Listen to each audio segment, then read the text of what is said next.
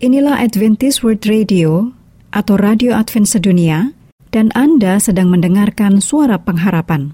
Untuk informasi lebih lanjut, silakan menulis email ke Bible at awr.org atau telepon ke WhatsApp di plus 1 224 222 0777. Inilah Radio Advent Suara Pengharapan yang kami pancarkan dari Pulau Guam melalui siaran dalam bahasa Indonesia.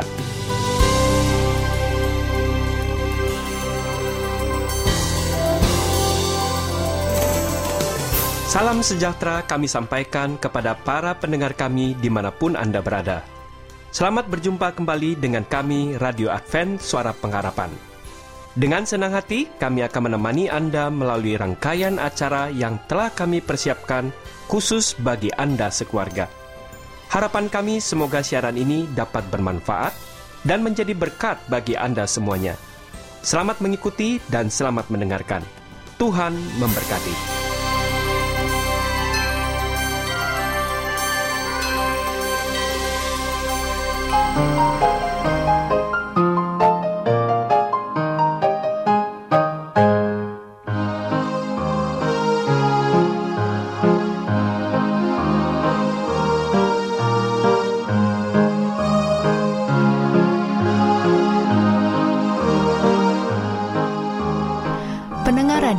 Advent Suara Pengharapan, di mana pun Anda berada, kita berjumpa kembali dalam program komunikasi keluarga persembahan khusus bagi keluarga Indonesia. Acara ini diasuh oleh seorang pakar komunikasi keluarga, Dr. Niko JJ Koro, yang akan didampingi oleh Ayura Yosep Manik. Dari studio, kami ucapkan selamat mengikuti. Kita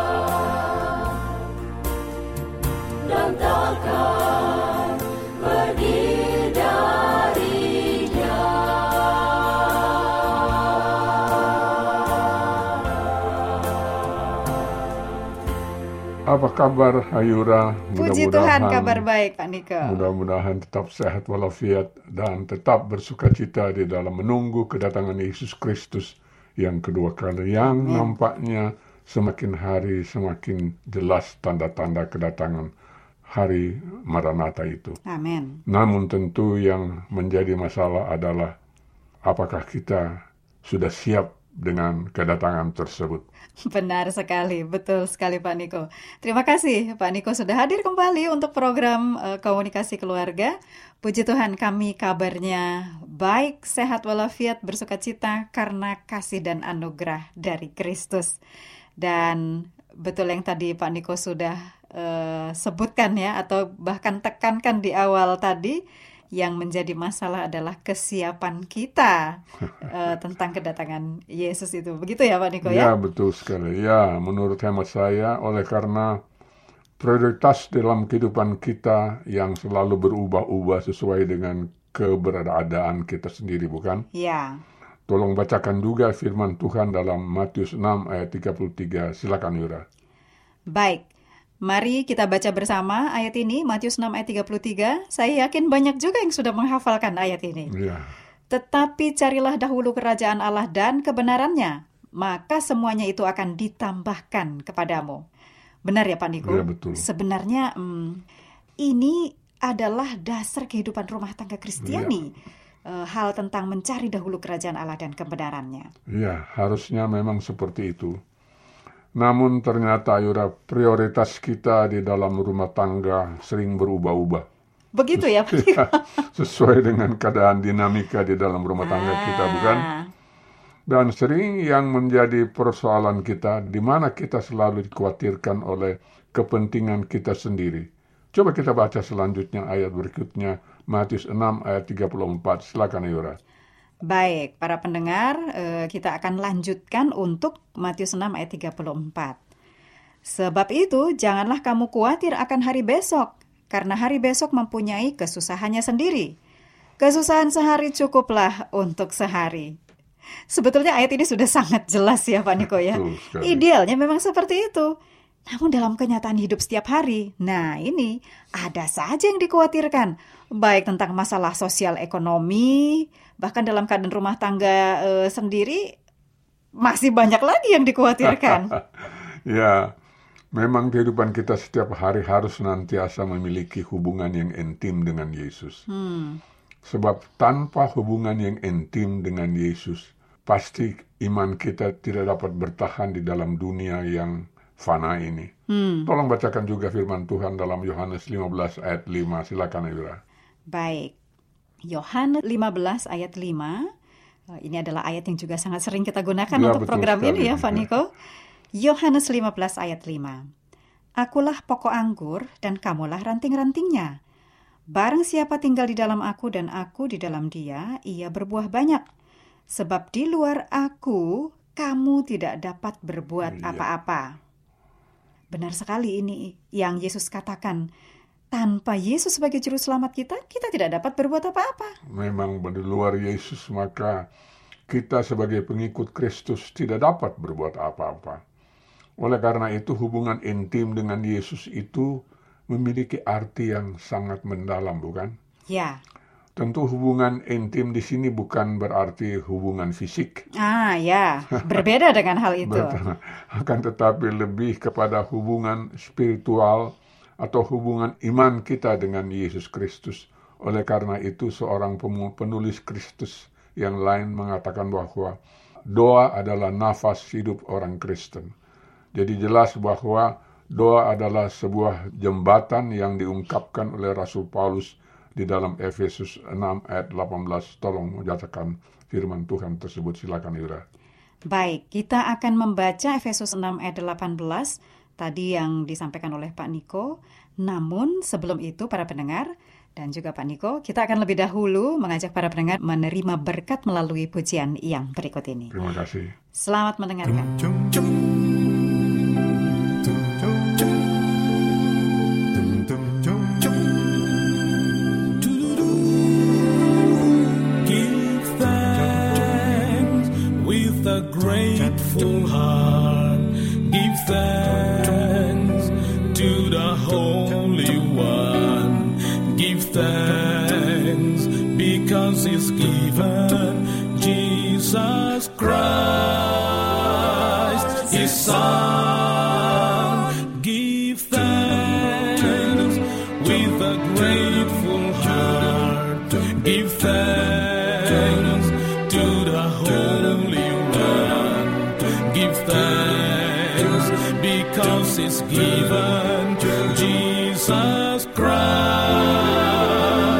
His Son. And now let the weak say, I am strong. Let the poor say, I am rich because of what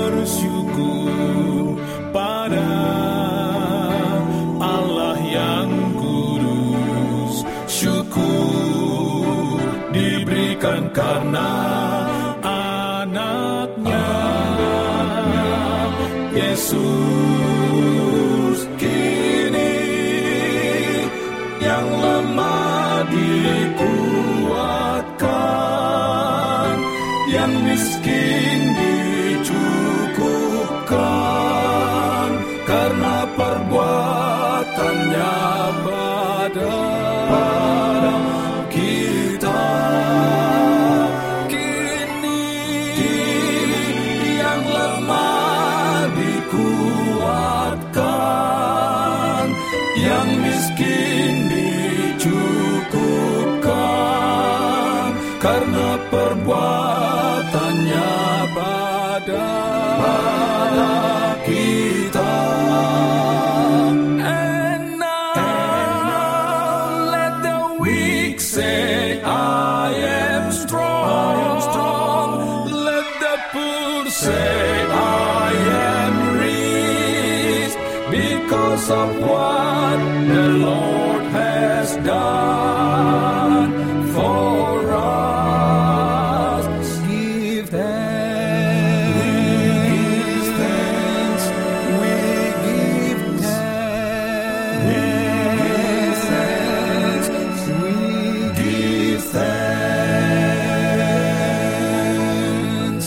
Kembali dalam komunikasi keluarga, saat ini Anda sedang mengikuti topik bahasan dengan judul yang cukup menggelitik ini ya. Sudahkah kita memiliki hubungan intim dengan Yesus?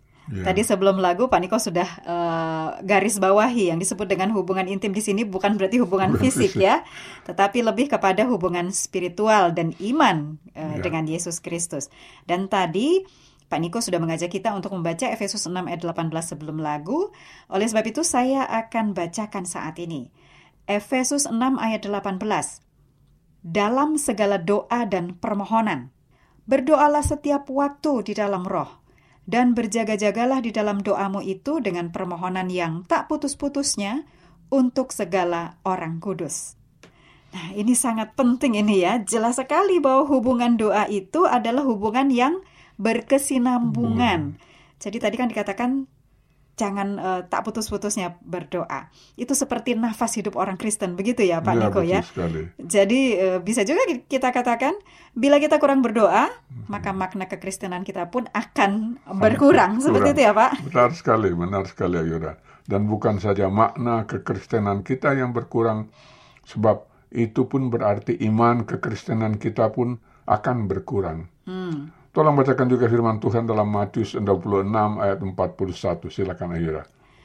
Baik, mari kita baca bersama firman Tuhan Matius 26 ayat 41. Berjaga-jagalah dan berdoalah supaya kamu jangan jatuh ke dalam pencobaan. Roh memang penurut, tetapi daging lemah.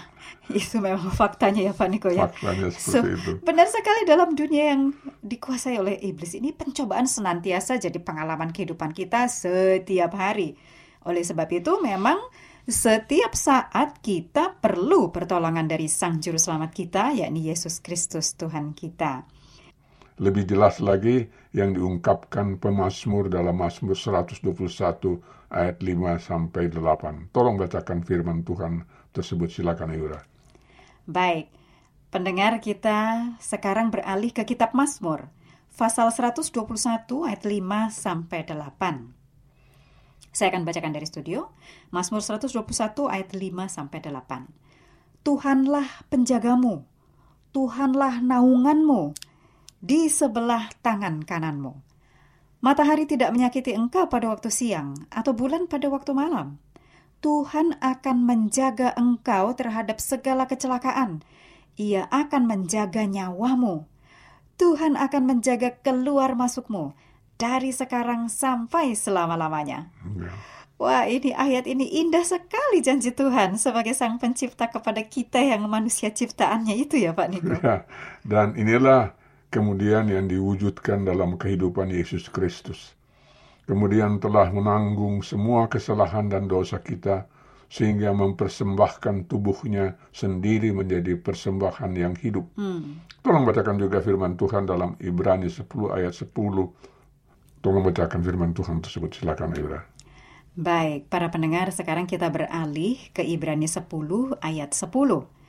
Firman Tuhan menuliskan, Dan karena kehendaknya inilah kita telah dikuduskan satu kali untuk selama-lamanya oleh persembahan tubuh Yesus Kristus.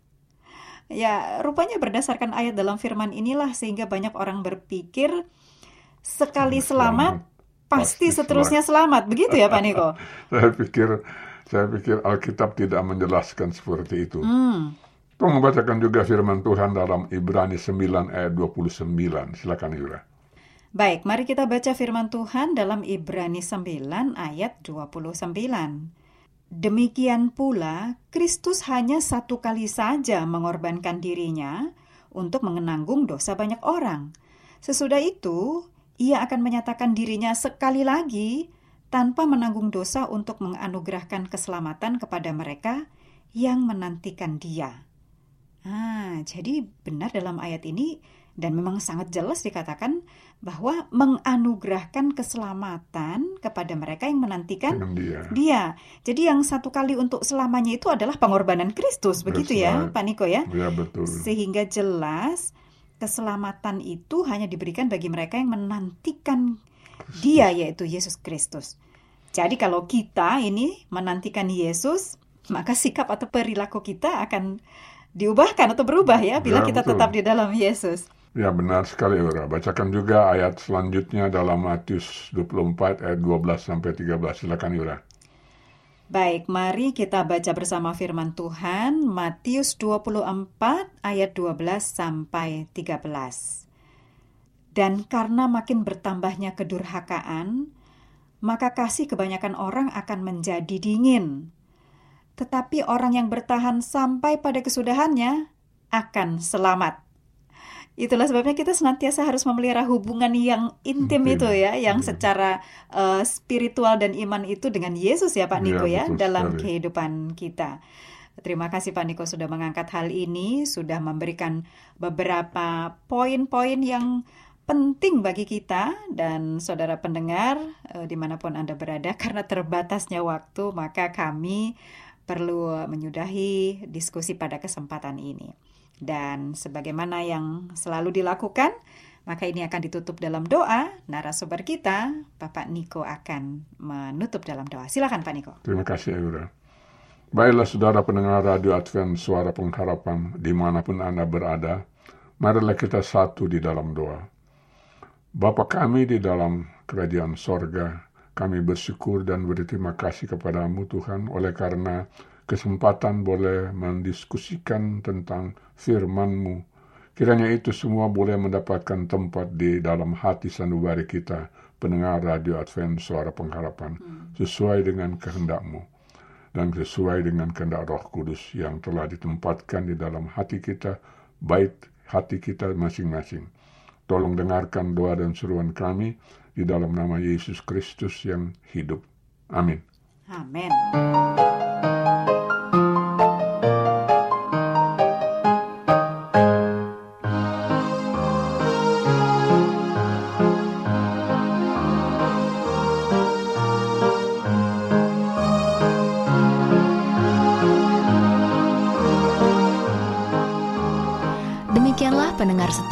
Kita baru saja mengikuti ruang komunikasi keluarga. Kami berharap ini dapat menjadi berkat khusus dan sukacita bagi kehidupan Anda dan keluarga. Bila Anda mempunyai pertanyaan mengenai komunikasi keluarga, saat ini Anda dapat langsung menghubungi narasumber kita, Dr. Niko JJ Koro, melalui telepon atau SMS di 0813 1806 5638. Saya ulangi, 0813 1806 5638. Sampai bertemu kembali dalam program yang sama minggu depan. salam dan doa kami menyertai Anda sekalian. Tuhan memberkati. Memberkati.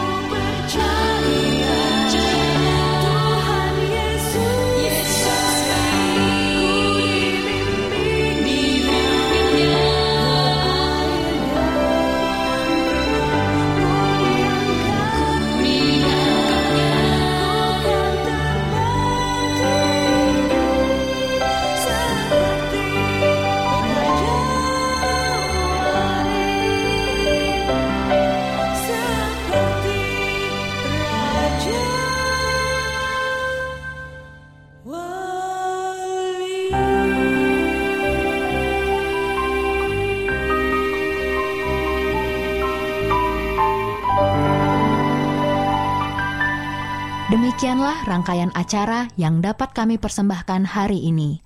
Dan apabila Anda mempunyai pertanyaan atau ingin mendapat pelajaran Alkitab penebuan baru, silahkan menghubungi kami dengan cara mengirimkan surat ke alamat Radio Advent Suara Pengharapan, PO Box 8090, Jakarta 12810, Indonesia. Telepon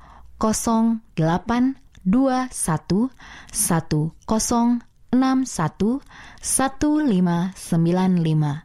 Alamat email awrindonesia Anda juga dapat bergabung di Facebook kami, pendengar Radio Advent Suara Pengharapan. Juga Radio Advent Suara Pengharapan. Terima kasih kami ucapkan bagi Anda semua pendengar kami yang setia. Kita akan berjumpa kembali pada waktu dan gelombang yang sama esok hari. Salam kasih dan sejahtera, kiranya Tuhan memberkati kita semua.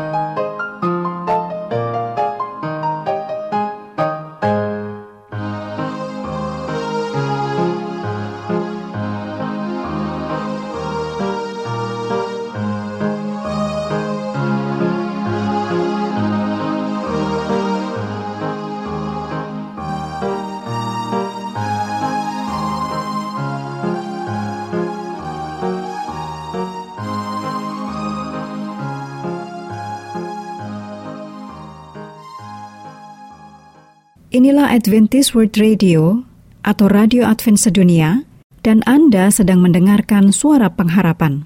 Untuk informasi lebih lanjut, silakan menulis email ke Bible at awr.org atau telepon ke WhatsApp di plus 1 224 222 0777